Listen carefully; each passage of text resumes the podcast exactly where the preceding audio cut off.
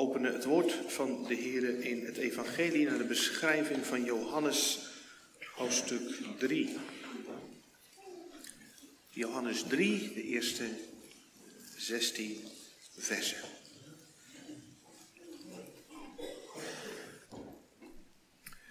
Johannes 3, vers 1 tot 16, daar klinkt het woord van de Heer. En er was een mens uit de Fariseeën, zijn naam was Nicodemus een leider van de Joden. Deze kwam s'nachts naar Jezus en zei tegen hem, Rabbi, wij weten dat u van God gekomen bent als leraar, want niemand kan deze tekenen doen die u doet als God niet met hem is. Jezus antwoordde en zei tegen hem, voorwaar, voorwaar, ik zeg u, als iemand niet opnieuw geboren wordt, kan hij het koninkrijk van God niet zien. Nicodemus zei tegen hem, hoe kan een mens geboren worden als hij oud is? Hij kan toch niet voor de tweede keer in de schoot van zijn moeder ingaan en geboren worden? Jezus antwoordde, voorwaar, voorwaar, ik zeg u, als iemand niet geboren wordt uit water en geest, kan hij het koninkrijk van God niet binnengaan. Wat uit het vlees geboren is, is vlees en wat uit de geest geboren is, is geest. Verwonder u niet dat ik tegen u gezegd heb, u moet opnieuw geboren worden. De wind waait waarheen hij wil en u hoort zijn geluid, maar u weet niet waar hij vandaan komt en waar hij heen gaat. Zo is het met iedereen die uit de geest geboren is. Nicodemus antwoordde en zei tegen hem, hoe kunnen deze dingen gebeuren? Jezus antwoordde en zei tegen hem, bent u de leraar van Israël en weet u deze dingen niet? Voorwaar, voorwaar, ik zeg u, wij spreken over wat wij weten en getuigen van wat wij gezien hebben. En toch neemt u ons getuigenis niet aan. Als ik aardse dingen tegen u zei en u niet gelooft, hoe zult u geloven als ik hemelse dingen tegen u zeg? En niemand is opgevaren naar de hemel dan hij die uit de hemel neergedaald is, namelijk de zoon des mensen die in de hemel is. Zoals Mozes de slang in de woestijn verhoogd heeft.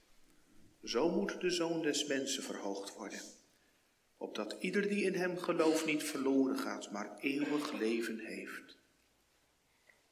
Want zo lief heeft God de wereld gehad, dat hij zijn enige geboren zoon gegeven heeft, opdat ieder die in hem gelooft niet verloren gaat, maar eeuwig leven heeft. Dat is het woord van de Heer voor deze morgen tekst voor de prediking is Johannes 3, vers 3. Daar klinkt het woord van de Heere Jezus antwoordde en zei tegen hem, voorwaar, voorwaar, ik zeg u, als iemand niet opnieuw geboren wordt, kan hij het koninkrijk van God niet zien.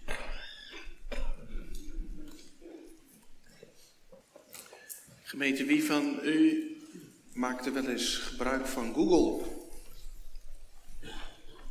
Misschien kan ik beter vragen wie niet. Ik heb het even opgezocht.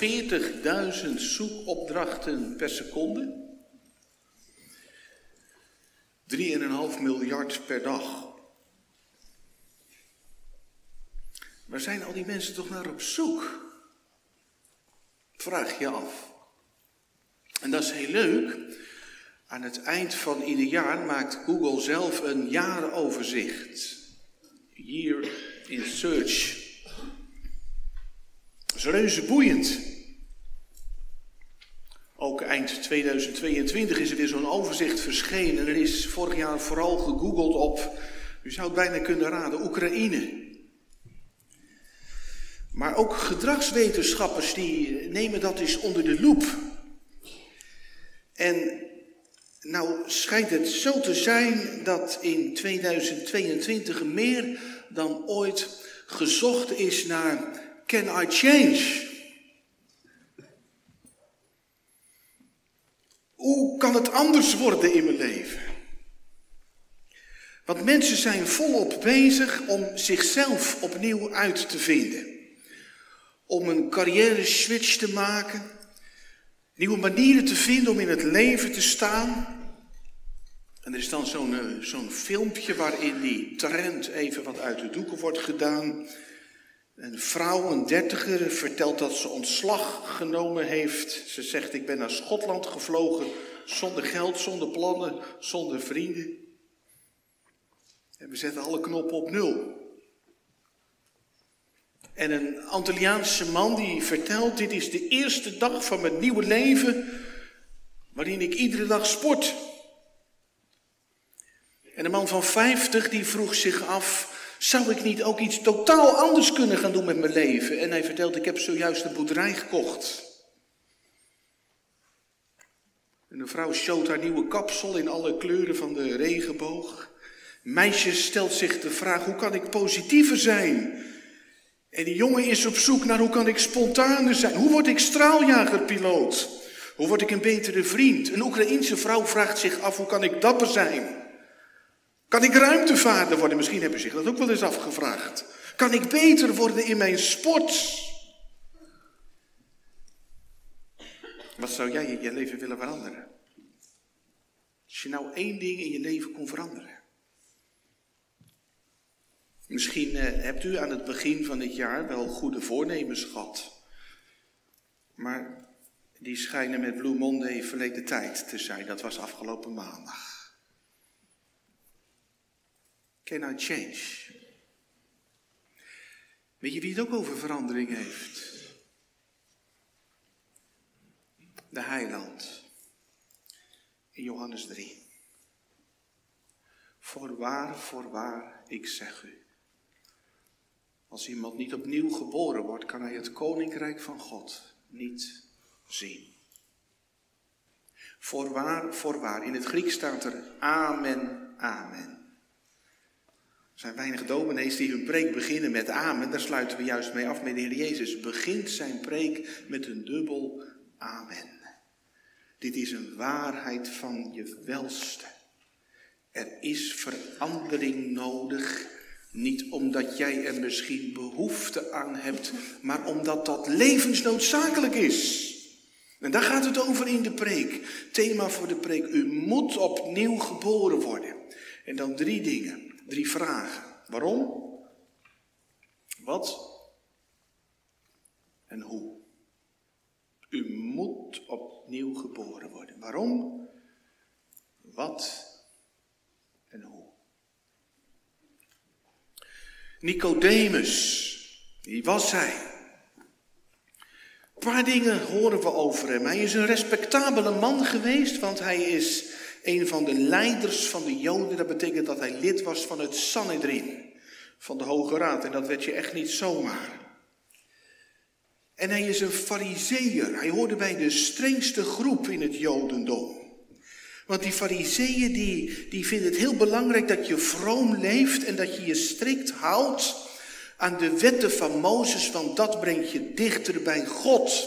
En tot in de kleinste details waren die fariseeërs bezig om die wetten te interpreteren voor hun leven. Jongens en meisjes, moet eens horen, de fariseeën die stelden bijvoorbeeld de vraag, stel nou dat een kip op zondag een ei legt. Mag je die dan wel opeten? En misschien lach jij erom, natuurlijk eet ik die op, maar de fariseeën die stelden zich zulk soort vragen.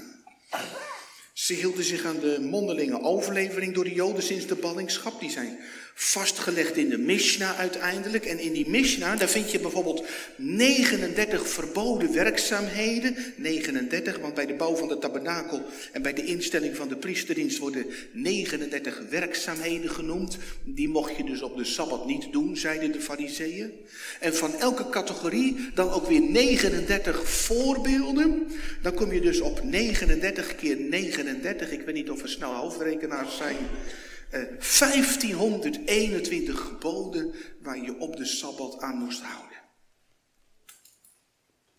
Eén letter schrijven op Sabbat, dat mag wel, maar twee niet, dat is werken. En een luis doden in het haar van je kind, dat mag wel, maar een flow niet, want een flow springt, daar heb je twee vingers voor nodig. En dat is dan weer werken. En zo waren de fariseeërs eigenlijk bezig om, nou ja, om het koninkrijk van God op aarde te vestigen. Daar waren de fariseeërs op aan het wachten. Dat alles buigt voor God. En dat koninkrijk van God, ja, dat is natuurlijk eigenlijk Israël. Maar dat koninkrijk van God, dat komt niet tot bloei. Dat heeft te maken met de zonde, met de gebreken van het volk. Als nou maar de godzaligheid van de fariseeën zich breed zou uitwaaieren over heel het volk. Daar waren de fariseeën druk mee de joden aansporen om heiliger te leven. En nou heeft Nicodemus gehoord dat die rabbi uit Nazareth verkondigt dat het koninkrijk der hemelen dichtbij gekomen is. Hoe kan dat nou? Dan moet er toch nog wel het een en ander gebeuren voordat dat koninkrijk van God doorbreekt. Weet je, wat heeft Nicodemus gedacht? Ik ga het die rabbi maar eens vragen. En dan komt hij in de nacht, dat kan ook gewoon betekenen na zonsondergang, in de avonduur, als het rustig is. En hij klopt bij Jezus aan voor een collegiale gedachtenwisseling over de komst van het koninkrijk van God. Maar de Heer Jezus valt met de deur in huis en hij mikt op het hart van Nicodemus. Als iemand niet opnieuw geboren wordt, kan hij het koninkrijk van God niet zien.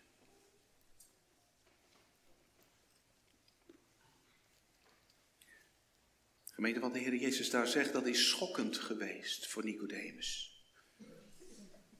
En ik denk ook voor de Joden die dit hebben gelezen en hebben gehoord. Want als Nicodemus, zeg maar, buiten staat, wie staat er dan binnen? Iemand die zo nauwkeurig leeft tot in de kleinste details, dat je zelf je de vraag stelt van dat ei hè, op de Sabbat gelegd. Als, als Nicodemus nou buiten staat, wie staat dan binnen? Blijkbaar is je goede gedrag niet een entreebewijs voor de hemel. Ik heb ooit een man gesproken op Flaké, hij was randkerkelijk. En die dacht dat hij een grote kans maakte dat hij in de hemel zou komen. Waarom? Omdat hij op zondag nog nooit gras had gemaaid. En omdat hij op zondag zijn auto nog nooit had gewassen. En ik weet het niet, maar het zou kunnen zijn dat, dat u toch ook wel een beetje zo in het leven staat. Als je het nou maar niet te bond maakt, als je nou maar een beetje gedraagt, hè? Dan kan het toch eigenlijk niet misgaan. Maar wat doet de Heer Jezus hier? Hij slaat Nicodemus alles uit handen. Want de fariseeën denken dat koninkrijk van God, dat komt van beneden. Dat maken wij. Maar de Heer Jezus zegt niet, ja, je komt in het koninkrijk, mits je het niet te bond maakt. Maar de Heer Jezus zegt, nee, tenzij iemand opnieuw geboren wordt. U kent misschien wel die uitspraak, die vroeger nog wel eens uh, gebezigd werd. Eén keer geboren is eeuwig verloren. Ik heb dat een keer een opa horen zeggen toen zijn kleinkind net geboren was. En ik vond dat heel rauw klinken. Eén keer geboren is eeuwig verloren, pas geboren kindje. Maar het is wel de waarheid van het woord. Je kunt naar de hemel zonder geld. Je kunt naar de hemel zonder vrienden. Je kunt naar de hemel zonder smartphone. Je kunt naar de hemel zonder relatie. Maar je kunt niet naar de hemel zonder wedergeboorte. Dat zegt ons doopformulier ook. Wij zijn met onze kinderen in zonde ontvangen en geboren. En daarom zijn wij mensen op wie God toon rust, zodat wij in zijn rijk niet kunnen komen, tenzij wij opnieuw geboren worden.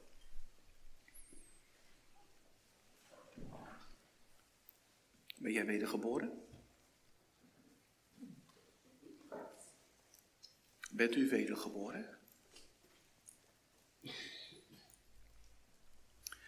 Misschien hebben we wel eens gehoord van de naam John Piper. Een bekend Amerikaans predikant, bijbelgetrouw. Hij denkt en preekt in de geest van de Puritijnen. En die John Piper die zegt, er zijn misschien wel miljoenen mensen die ten onrechte van zichzelf denken dat zij wedergeboren zijn. Je noemt je christen, maar er heeft niet een fundamentele verandering in je leven plaatsgevonden. Je bent nog steeds gericht op jezelf. Alleen wend je je tot een nieuwe bron, zegt hij. Hij zegt, je wil niet verloren gaan en daarom bid je, Jezus, red me van de hel. En je wilt geld verdienen, maar je verwacht het echt niet alleen van jouw inspanningen, van jouw harde werken. En daarom bid je tot Jezus, zegen mijn werk. En je wil heel graag gezond blijven en daarom bid je tot de Heer, geef mij gezondheid. Maar ja, geluk en gezondheid, voorspoed en welvaart, dat willen onchristelijke mensen ook. Als die verlangens je leven stempelen, en dat is het dan ook, dat is geen wedergeboorte. Het draait nog steeds om jezelf, om je eigen verlangens, om je eigen behoeften. Ook al bid je misschien tot God. John Piper gebruikt dan een beeld en dan zegt hij, eigenlijk wil je nog steeds dezelfde maaltijd eten, alleen je hebt een andere kok. Maar het koninkrijk van God, dat is niet vleeselijk, maar geestelijk. En daarom is er wedergeboorte nodig. Wat is het dan eigenlijk? Nou, als je vers 5 erbij zou pakken, dan zie je dat de Heer Jezus eigenlijk hetzelfde zegt in andere woorden. Dan vertelt hij dat wij geboren moeten worden uit water en geest.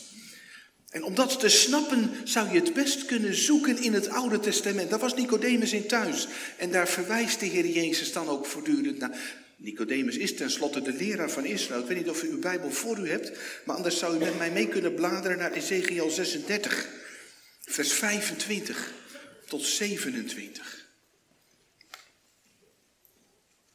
Geboren worden uit water en geest. In Ezekiel 36 gaat het ook over water en geest.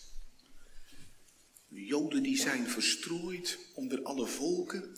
En dan klinkt hier de belofte dat de Heer alle Joden weer zal verzamelen, dat Hij ze weer zal laten wonen in hun eigen land. En ze waren natuurlijk verspreid onder de volken en dat had te maken met dat ze de wetten van de Heere God aan de kant hadden geschoven. Maar Ezekiel 36, vers 25, daar belooft de Heer door de mond van Ezekiel, ik zal rein water op u sprenkelen. En u zult rein worden. Van al uw onreinheden, van al uw stinkgoden zal ik u reinigen. Dan zal ik u een nieuw hart geven. En een nieuwe geest in uw binnenste geven. Ik zal het hart van steen uit uw lichaam wegnemen en u een hart van vlees geven. Ik zal mijn geest in uw binnenste geven. Ik zal maken dat u in mijn verordeningen wandelt en dat u mijn bepalingen in acht neemt en ze houdt. Dan zegt de Heer dus, ik zal rein water op u sprenkelen, zodat je rein wordt. Vergeving. En ik zal een nieuw hart geven. En een nieuwe geest zodat dat volk wat verstrooid was onder de volken vanwege hun zonde alsnog Gods geboden houdt. Nou, dan komen we op het spoor wat de Heer Jezus bedoelt met wedergeboorte. Dat is een ingreep van God waarin het draait om vergeving en vernieuwing. Ik zal dat stenen hart weghalen en je een hart van vlees geven. Jongens en meisjes, moet je eens goed luisteren. Dan zal ik proberen of ik het verschil kan uitleggen tussen een hart van steen en een hart van vlees. Dan moet je eens denken aan een, uh, aan een kraan. Als je de kraan opendraait en je legt er een steen onder. Wat gebeurt er dan? Nou, je, je kunt de kraan keihard opendraaien, maar dat water dat spat allemaal van die steen af. Dat dringt niet door tot in die steen. Toch? Nee, het is een steen. Maar als je nou die steen weg zou halen en je zou in plaats van een steen een spons onder de kraan leggen. En je doet dan de kraan open. Je voelt het verschil wel aan. Hè? Die spons die zuigt dat water op en die wordt helemaal door en door nat. Want die spons die staat open voor het water. Nou, de Heere God zegt in de Bijbel dat Hij je stenen hart wil weghalen. Zo is jouw hart en mijn hart van huis uit. Wat er ook naar me toe komt bij God vandaan, het ketst allemaal af. Maar als de Heere God mij een hart van vlees geeft, dan heb ik een hart wat open staat voor God. Zie, heel mijn hart staat voor u open. En wil, o Heere, uw tempel zijn. En dan zegt de Heere Jezus, dan ga je als het ware een nieuwe wereld binnen. De wereld van Gods koninkrijk. Dat is een wereld waar je je nog niets bij kunt voorstellen als je er niet in deelt. Denk maar even aan een babytje wat nog in de buik van zijn moeder zit. Zo'n babytje kan zich helemaal niks voorstellen van de wereld buiten de baarmoeder. Dat komt pas als het geboren is, stukje bij beetje. En zo is het met de geboorte waar de Heer Jezus het hier over heeft. Je hebt er eigenlijk geen benul van. Je kunt het koninkrijk van God niet zien als je niet opnieuw geboren bent, als je nog steeds dat stenen hart hebt. Je zou het een klein beetje kunnen vergelijken met uh, een Copernicaanse wending. Ik weet niet uh, of je weet wie Copernicus is. Wel eens gehad op school. Copernicus. Hij was wiskundige en sterrenkundige. En uh, moet ik even spieken, hij leefde van 1473 tot 1543. Hij is heel beroemd geworden. Want hij kwam met een bewering na alle onderzoeken die hij had gedaan. Hij zei, de aarde draait om de zon. De zon is uh, het middelpunt van ons sterrenstelsel en de aarde draait daar omheen. En, en daarvoor dachten alle mensen, de aarde is het middelpunt en de zon draait om de aarde heen. Nou, hij kreeg de wind van voren, die Copernicus. Hij is verketterd door de Rooms-Katholieke Kerk. Totdat, uh, hoe langer hoe meer mensen erachter kwamen. Nee, die Copernicus die heeft gelijk. Dat zijn de feiten. Niet de aarde, maar de zon in het middelpunt. Nou, die uitdrukking Copernicaanse wending, die wordt wel eens gebruikt voor een totaal nieuwe manier van denken. Een totaal nieuwe wereldbeschouwing. En dat is wat je nodig hebt.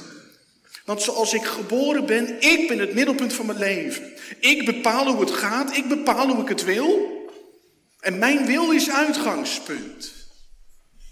Maar de wedergeboorte is dat mijn leven niet meer draait om mijn ik, maar dat het gaat draaien om God. En dat is trouwens niet één keer, maar steeds weer nodig. Hè? Wij zijn mensen die naar zichzelf toegekeerd zijn. Dat is heel treffend. Dat is ook uh, letterlijk hoe langer hoe meer zichtbaar, hè? Omdat wij uh, zo vaak op ons schermpje zitten te kijken. En dan, dan, dan, dan, dan, maak je, dan maak je die beweging eigenlijk naar jezelf toegekeerd. Terwijl de Heer ons nu juist geschapen heeft om naar Hem op te zien. Een Copernicaanse wending. Dat werkt God door Jezus, die in het midden van Gods heerlijkheid was. In het midden van de troon, maar die in het midden van de vloek wilde komen hangen op het kruis. Een Copernicaanse wending. Dat is een totale vernieuwing. De Duitse leerregels, het beleidenisgeschrift, dat vat het eigenlijk in drie punten heel mooi samen. Wat is nou de wedergeboorte? Je verstand wordt verlicht. Het kwartje gaat vallen. Je verstand wordt verlicht. Denk even aan de moordenaar aan het kruis. Er gebeurt iets bij hem. En ineens heeft hij het door. Die man die daar hangt, die is rechtvaardig. Dat is geen crimineel. Je verstand wordt verlicht. Je hart wordt vernieuwd. Wij beginnen heel vaak aan de buitenkant, maar de Heilige Geest begint aan de binnenkant. Verdriet over je zonde, verlangen om Jezus te volgen. Je verstand wordt verlicht, je hart wordt vernieuwd en je wil wordt gebogen. Dat je net als Paulus gaat bidden, Heer, wat wilt u dat ik doen zou? Een totale vernieuwing, niet een opknapbeurtje van je leven. Daar was Nicodemus mee bezig, daar waren de Fariseeërs mee bezig. 1521 sabbatsgeboden, ga er maar aan staan. En al die andere geboden dan ook nog, om dichter bij God te komen. Een update van jezelf, ik 2.0. En dat is misschien waar inderdaad heel wat mensen in onze dagen heel druk mee zijn. Hoe haal ik het beste uit mezelf? Hoe word ik de beste versie van mezelf? Nou ja, tips worden om je oren geslingerd. Bedenk wat je wilt. Omarm jezelf. Accepteer dat je niet volmaakt bent. Een leer van je fouten en zo. En misschien kun je ook nog wel je voordeel ermee doen. Tot op zekere hoogte. Maar als het gaat om het koninkrijk van God. Dat komt niet van beneden. Dat heeft Luther in zijn dagen geprobeerd. En maar biechten. En maar ploeteren. En maar wakker blijven, zichzelf geeselen, boete doen. Maar hoe harder hij probeerde om het in orde te maken met God, hoe onzekerder hij werd. En hoe harder jij probeert om een betere christen te worden, hoe onzekerder je wordt. Of hoe hoogmoediger je wordt. Misschien herken je dat wel, dat je denkt, ja, het moet, moet anders in mijn leven. Ik moet eigenlijk mijn kijkgedrag en mijn luistergedrag een beetje aanpassen. En als ik nou wat meer stille tijd gehouden. En je begint met een leesplan. En een beetje minder Netflix. En je hoopt dat je dichter bij God komt. Een betere versie van jezelf worden. Maar uiteindelijk geeft dat geen vrede. Vooral als je ontdekt in je leven waar God recht op heeft. Accepteer dat je niet perfect bent, zeggen de managementboeken. Maar de Heer God heeft daar wel recht op. Dat ik ben zoals Hij van mij vraagt. Leer van je fouten, ja dat is mooi. Maar die fouten die liggen daar wel en dat is schuld tegenover God. En laat het eens op je inwerken, de eis van het evangelie. Gelijk ook wij vergeven onze schuldenaren. Bent u daar zo goed in? Wij zijn toch meer van het vergelden. De Lamech-methode 70 maal 7 maal vergelden in plaats van 70 maal 7 maal vergeven. En wie heeft er zin in kruisdragen? Dan gaat toch liever voor ons comfortabele leventje. En de minste zijn. Gaat u dat nou zo makkelijk af? Leven naar Gods wil, het zit er bij mij niet in. En daarom is goddelijk ingrijpen nodig, wedergeboorte. Denk maar even aan de geschiedenis van Lazarus. Hij ligt dood en begraven achter een steen. En dan klinkt de stem van Jezus. Lazarus, kom naar buiten. Hij wordt opgewekt. Hij ontvangt het leven. Dat is het evangelie van Johannes 3. Dat nieuwe leven is een geschenk. Jezus laat het ons in alle ernst en in alle heerlijkheid weten. Stop met al die pogingen om jezelf te redden. Stop zonder Jezus een betere versie van jezelf te worden. Want Jezus is de beste versie van jezelf. Verwacht het nou niet langer van jezelf, maar geef je redding uit handen. En dat is, dat is een lastige. We hebben graag zelf de controle, ook over onze zaligheid. Maar het is zo bevrijdend. Als je stuk loopt met je eigen pogingen. Dat je weet te wachten dat het veilig is in de handen van Jezus. Van boven moet ik geboren worden. Zo mag je het ook vertalen. Opnieuw geboren. Van boven geboren worden. Ik kan het niet zelf pakken. Ik kan het niet zelf waarmaken. Niet ik heb passie voor Jezus, maar Hij heeft passie voor mij. Geestelijk leven voor geestelijk doden. Dus bevrijd het evangelie. En ik hoop dat u de bevrijding daarvan kent en herkent. Dat je het wonder daarvan proeft, dat wonder waar Paulus over spreekt in een van zijn brieven. Het heeft God behaagd zijn zoon in mij te openbaren. Dat, dat, dat lijkt een beetje op uh, als er ergens een babytje geboren wordt. En je hebt negen maanden gewacht. En dan, dan dient de baby zich aan. En dan zeg je onvoorstelbaar wonderlijk gedaan. Met een prok in je keel en met een traan in je oog. Dat is wat Paulus zegt. Het heeft God behaagd zijn zoon in mij te openbaren. Soli Deo Gloria. En zo een nieuwe wereld binnen het koninkrijk van God.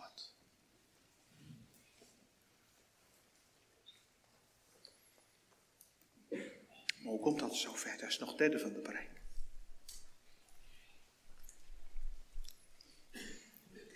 Daar is het antwoord eigenlijk heel kort en duidelijk op. God werkt dat door het woord. De geest werkt dat door het woord.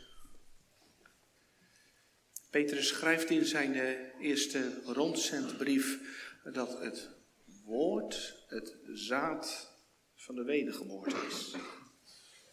Hoe komt het zover in mijn leven? Dat heeft alles te maken met de prediking van het evangelie. Dat heeft alles te maken met het bestuderen van de Bijbel. Het op me af laten komen van de woorden van God. Dat zie je prachtig in Handelingen 2. Daar is het Pinksteren geworden en Petrus spreekt het evangelie. En dan zijn er daar 3000 en die komen tot bekering. Voor hen komt er een nieuw begin. Hun verstand wordt verlicht. Met een schok ontdekken ze. Dus het was toch de zoon van God, die Jezus van Nazareth. Toch de Messias. En hun hart wordt vernieuwd. Ze zijn verslagen van hart. De zoon van God gekruisigd en hun wil wordt gebogen. Wat moeten we doen, maar de broeders? En dat zie je ook zo heel mooi in Johannes 3. De Heer Jezus heeft het niet alleen over de noodzaak van de wedergeboorte, maar ook over de mogelijkheid daarvan. Want daar zit Nicodemus met al zijn goede gedrag. Je staat er buiten. Maar als je lege handen krijgt, dan komt er ruimte voor iets anders. Want de Heer Jezus zegt Nicodemus. Weet je wat er staat in nummer 21? Ken je ook jongens en meisjes? Dat is die geschiedenis van die, eh, van die slangen in de woestijn. Weet je wel? Het volk moppert weer. En dan strafte de Heer het volk in een eens kronkelen er van die giftige slangen door het zand en die bijten de mensen. En het zijn giftige slangen en als je een gifbeet van zo'n slang hebt gekregen, dan trekt dat gif door je aderen en het duurt niet lang of je sterft. En dan gaan de mensen naar Mozes toe. We hebben gezondigd, wat moeten we doen? En dan gaat Mozes naar de Heer. En de Heer zegt, Mozes, maak een slang van koper. En als je nou die slang op een stok omhoog steekt, ieder die naar die slang kijkt, die gebeten is door zo'n gifslang, die zal genezen. Die zal leven. Nou ja, dat zie je voor je. Toch? Is oude opa gebeten. En hij kreunt. En hij kruipt over de grond. En het doet pijn. En het wordt zijn dood. Hij voelt het. Maar daar is zijn kleinkind. En dat kleinkind dat zegt: Opa, kijk naar die slang. Met zijn laatste krachtsinspanning draait die opa zich om. En hij ziet op de slang en op dat ogenblik is hij genezen. Of er huilt een kind in een tent. Mama, mama. En mama kijkt, wat is hij? En ze heeft door, slang. Nog hooguit een half uur en haar kind zal verstijven. Maar dan die roep door de tentenkamp. De stem van Mozes. Wie op de koperen slang ziet, leeft. En wat doet die mama? Ze aarzelt geen moment. Ze tilt haar kind op, rent de tent uit, tilt het kindertje van haar kindje op en zegt: Kijk, zie je die slang? En met dat het kindje de slang ziet, leeft het. En dan zegt de Heer Jezus tegen Nicodemus: Zo moet de zoon des mensen verhoogd worden, opdat ieder die in hem gelooft niet verloren gaat, maar leeft. Maar dat is machtig. Dat is machtig. Van ons uit zit de deur in het slot. Ik kan het koninkrijk van God vanuit mijzelf niet zien. Maar van God uit gaat de deur wagenwijd open. Wedergeboorte en geloof, die moet je niet van elkaar losmaken. Dat houdt de Heer Jezus in dit hoofdstuk ook dicht bij elkaar. Dat is twee kanten van dezelfde medaille. De wedergeboorte die staat nooit los van Christus. Die twee uitspraken die de Heer Jezus doet. U moet opnieuw geboren worden. En al zo lief heeft God de wereld gehad. Die komen van dezelfde lippen. De geest die de wedergeboorte werkt is de geest die Christus in de schijnwerper zet. En de kerk, de samenkomst van de gemeente, is de werkplaats van de Heilige Geest.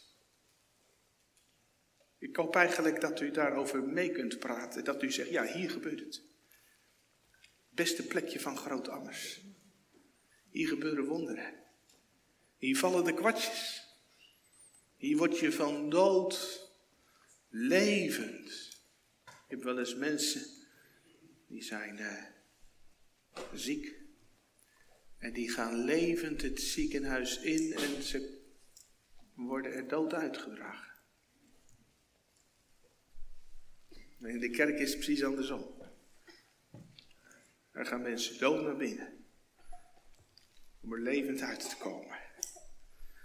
Amazing grace.